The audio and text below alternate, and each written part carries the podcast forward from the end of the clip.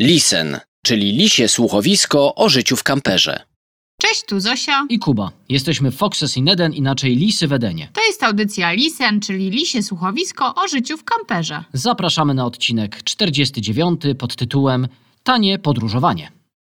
Bardzo często pytacie nas, w jaki sposób w podróży oszczędzamy, w jaki sposób tę podróż naszą wydłużyliśmy, bo wydłużyliśmy ją trochę. Na początku wyjechaliśmy na 4 miesiące, no i już dwa minęły. I mam nadzieję, że jeszcze będą mijały kolejne miesiące w drodze. E, I dzisiaj właśnie zebraliśmy w całość te nasze sposoby i o nich chcemy trochę porozmawiać.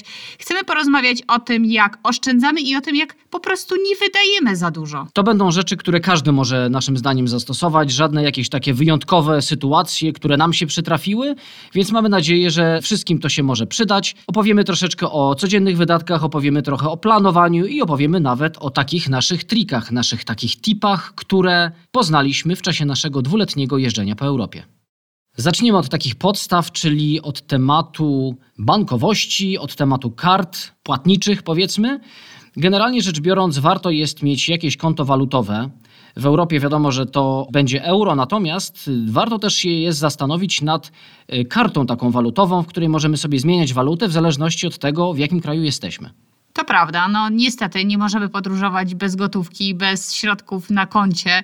E, Być może się da, nam się nie udało, aczkolwiek i tak ograniczyliśmy dość mocno budżet, zaraz do tego przejdziemy, ale tutaj Kuba mówi o koncie walutowym, o karcie walutowej E, i warto też zwracać uwagę na prowizję bankomatów, z których wypłacamy gotówkę, bo nie zawsze możemy płacić kartą. Są kraje, gdzie ta gotówka jest podstawą, na przykład Albania.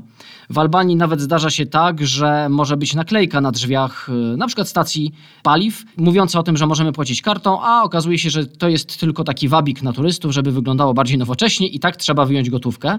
Więc na przykład w Albanii zmuszeni niejako jesteśmy do tego, żeby posiadać trochę gotówki ze sobą zawsze, no inaczej możemy się znaleźć w sytuacji, w której nie jesteśmy w stanie za coś zapłacić. Natomiast są też kraje, gdzie jest zupełnie odwrotnie, na przykład Skandynawia jest na dobrej drodze do tego, żeby w ogóle wyeliminować płatności gotówką i tam taka karta płatnicza jest właściwie niezbędna, ale tam też można płacić telefonem, to znaczy jak mamy zintegrowany telefon z kontem, to możemy też zapłacić i telefonem właśnie, więc no tutaj warto się dowiedzieć, jak wygląda sytuacja w danym kraju. Warto jest też zobaczyć, jeżeli już decydujemy się na przykład na to, żeby płacić kartą polską, wypłacać pieniądze na przykład z bankomatów przy użyciu karty polskiej, bo to jest możliwe, czy nasz bank oferuje na przykład jakiś taki abonament, że płacimy niewielką kwotę miesięcznie i mamy bezpłatne wypłaty z bankomatów za granicą. Ale wtedy, tak jak Zosia powiedziała, trzeba patrzeć na prowizje już miejscowe. Ja bym zwróciła jeszcze uwagę na świadomość naszych wydatków. My od początku naszego wyjazdu zapisywaliśmy sobie każdą rzecz, którą kupiliśmy, czy, czy to paliwo, czy jedzenie, czy jakieś co mniejsze rzeczy.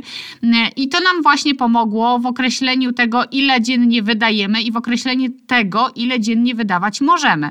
Oczywiście mówimy tutaj o dłuższych wyjazdach, tak jak my jeździmy parę miesięcy, no bo jeżeli ktoś jedzie na krótkie wakacje, to raczej nie będzie się szczypał, bo chce po prostu odpocząć i nie myśleć w końcu właśnie o finansach. Wyda wszystkie oszczędności. Na przykład, no ale no, to, to oczywiście zależy od sytuacji y, finansowej każdej osoby.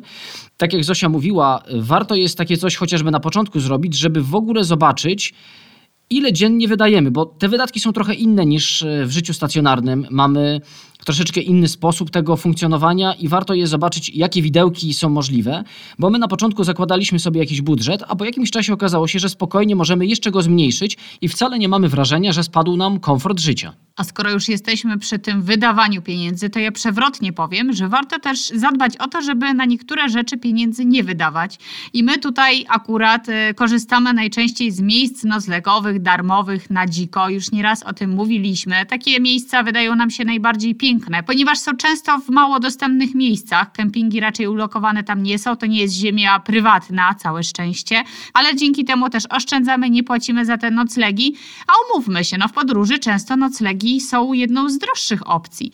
No i tak samo podchodzimy do tematu wody, ponieważ my wodę używamy w kamperze taką, którą znajdziemy gdzieś na miejscu.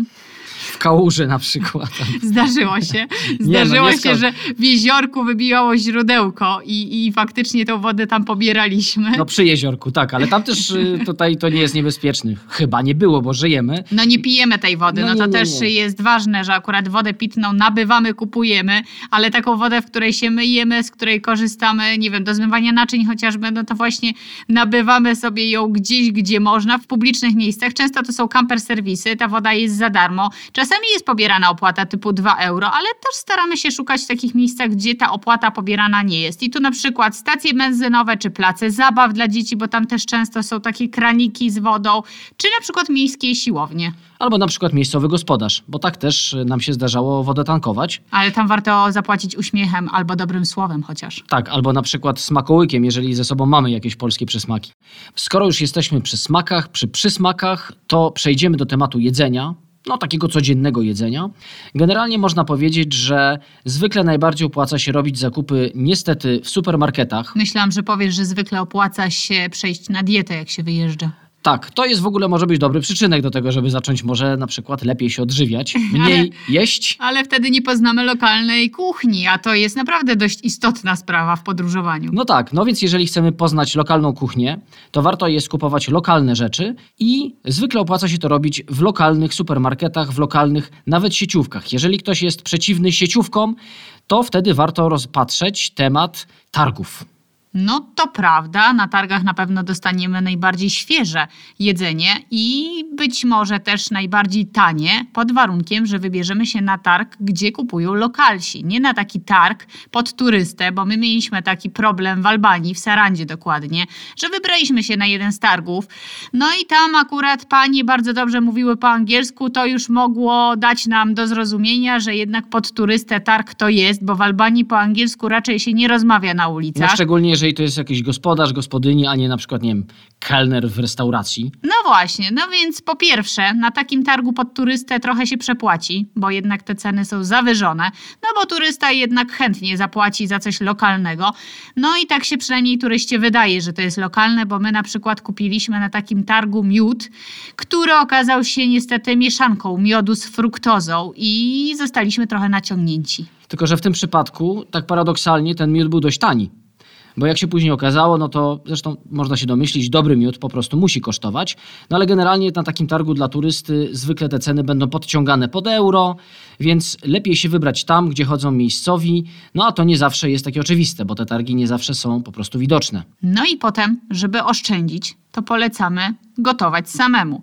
Oczywiście raz na jakiś czas warto wybrać się do knajpy, znów lokalnej, czyli tam, gdzie lokalsi jedzą. No ale jeżeli podróżujecie mobilnym domem tak jak my, to polecamy gotować sobie samemu z tych właśnie lokalnych produktów.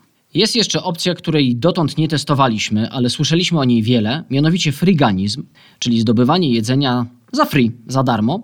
Natomiast spotkaliśmy chłopaka z Holandii, który taki friganizm uskuteczniał i całkiem nieźle mu szło. Nie mówimy tutaj o chodzeniu na szabry. Nie, nie, nie, nie chodzi o żadną kradzież. Chodzi o taką sytuację, no, taką powiedzmy na pograniczu, bo nie jest to kradzież, ale nie zawsze to też jest w 100% legalne. Chodzi o to, że duże supermarkety bardzo często pozbywają się jedzenia, które jeszcze byłoby przydatne, ale niestety data ważności, data przydatności do spożycia takiego produktu, no mówi o tym, że już niestety przydatny nie jest. I o ile patrzymy na mięso czy ryby, gdzie taka data przydatności jest dość istotna i możemy się zatruć, niestety, jeżeli spożyjemy takie mięso, które no już nie jest pierwszej świeżości, o tyle na przykład owoce, kawa, herbata i tego typu suche produkty, no moim zdaniem mogą być jeszcze długo po terminie zdatne. No można owoce i warzywa organoleptycznie sprawdzić przecież, no bo tutaj wszystko od razu widać. Więc generalnie no to jest taka opcja, mm, którą warto stestować, nie wiem czy w sytuacji nawet jakiejś granicznej. Moim zdaniem jest to całkiem ekologiczne podejście.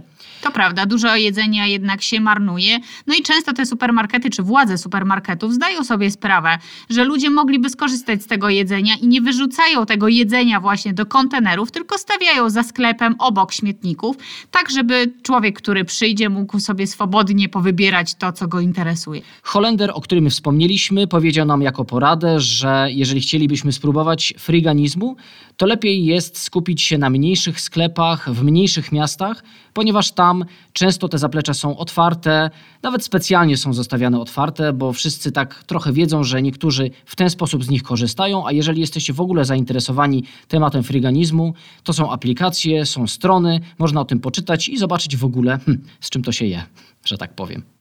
Teraz przechodzimy do tematyki samochodowej, to znaczy czegoś, co jest chyba niezbędne, bo bez samochodu i bez domu no, nie ma tej podróży. Po pierwsze, stan techniczny samochodu. Warto jednak mimo wszystko rzeczy robić na zapas, robić te przeglądy dokładnie, nie oszczędzać na tym w Polsce bo przynajmniej tutaj na miejscu będziemy mieli wpływ na to, ile płacimy za części, będziemy mieli wpływ, kiedy to i u kogo robimy. Natomiast w drodze, niestety, jak coś się nam popsuje, coś, co zaniedbamy albo przymkniemy na to oko, no to wtedy będziemy zmuszeni korzystać z tego, co mamy na miejscu. Czyli na przykład, jeżeli to będzie drogi kraj, to części będą droższe. Jeżeli będą niedostępne, to też będą droższe. Jeżeli to będzie jakiś mechanik, no to to będzie mechanik, który będzie w okolicy, a nie taki, którego sobie wybierzemy.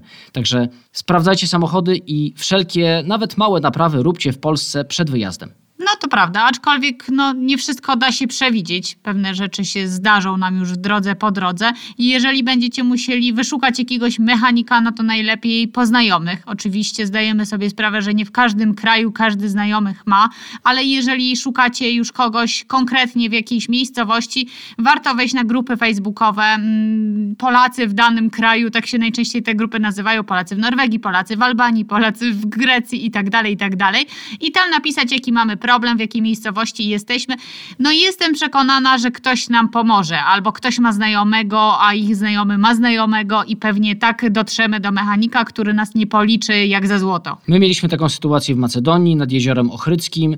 Padł nam czujnik ciśnienia paliwa. I okazało się, że dzięki temu właśnie, że poznaliśmy Anię, którą serdecznie pozdrawiamy, która tam mieszka, mogliśmy dotrzeć do całkiem dobrego mechanika, który naprawił nam samochód po dobrej cenie, część była w dobrej cenie i tutaj akurat to, co powiedziałem, się nie sprawdziło. To znaczy, wbrew pozorom zapłaciliśmy akurat trochę mniej niż byśmy to zrobili w Polsce, ale no to była sytuacja wyjątkowa, nie zawsze tak się może udać. Skoro już mamy działający samochód, który jedzie, no to niestety, żeby jechał, trzeba go tankować, trzeba tego paliwa trochę do niego wlać i to jest dość spory koszt, zwłaszcza jeżeli no, podróżujemy dużo i często.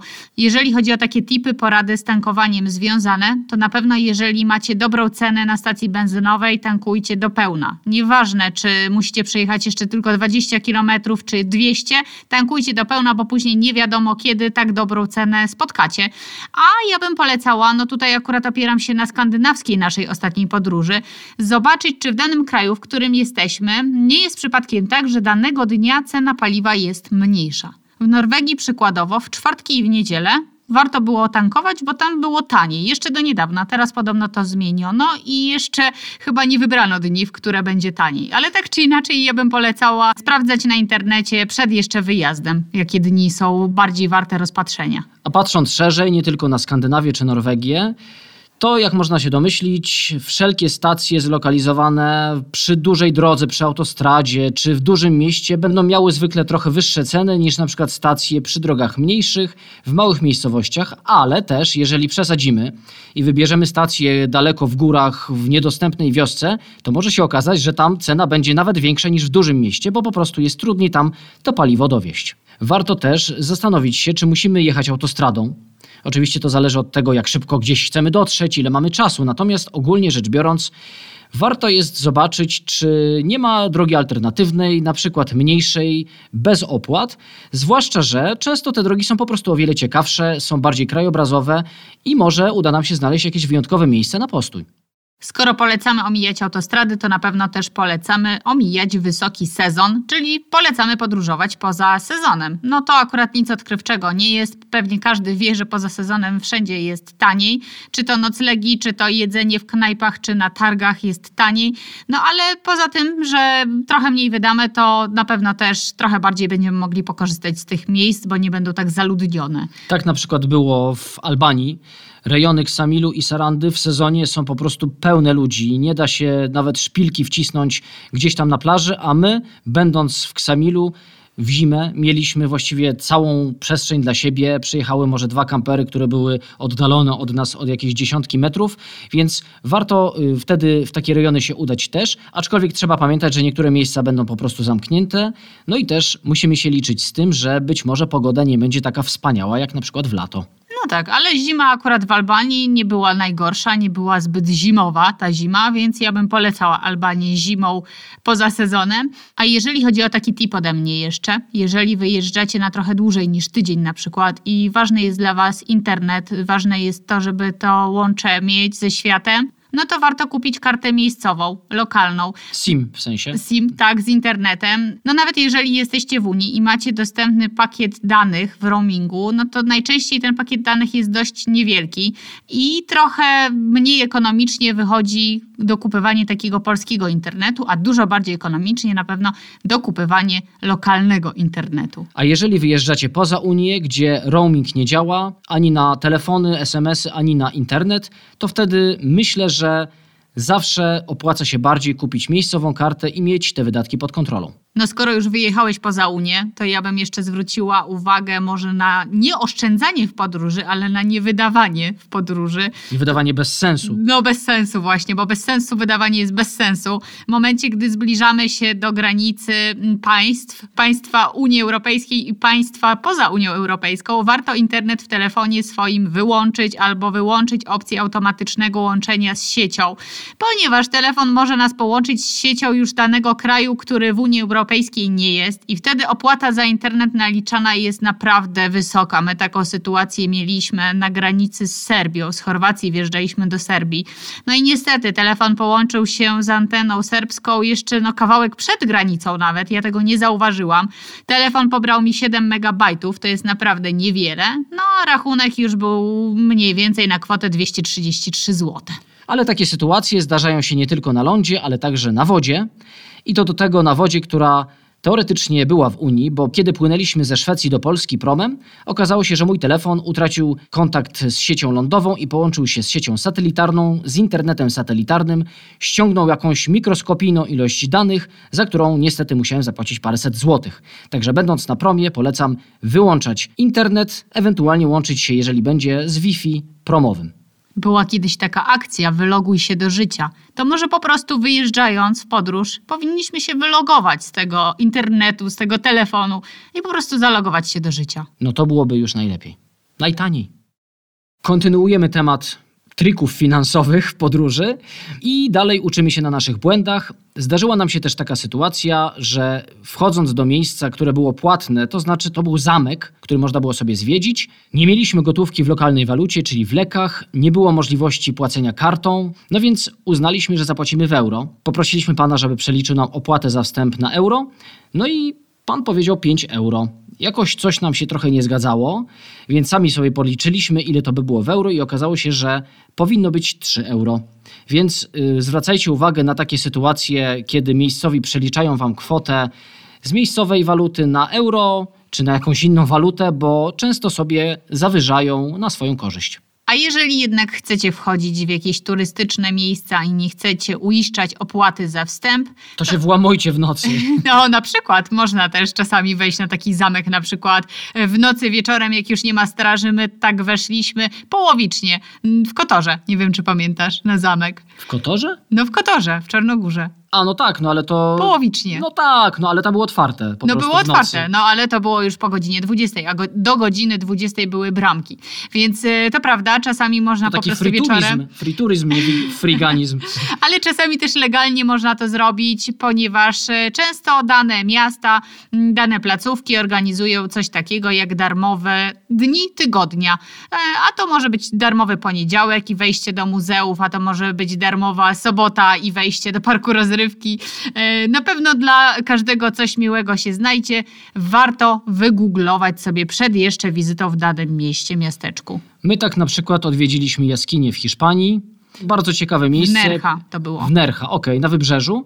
No i po prostu ktoś nam podrzucił taką informację, że właśnie następnego dnia, właśnie w poniedziałek, jest bezpłatne wejście. Nie pamiętam, czy tylko rano, czy cały dzień. W każdym razie weszliśmy sobie zupełnie za free do Tylko- takiej jaskini. Właśnie tutaj uwaga mała, czasami trzeba się wcześniej zalogować, czyli zarejestrować taki nasz pobyt. Mimo, że nie płacimy nic, no to trzeba wcześniej sobie zabukować takie miejsce.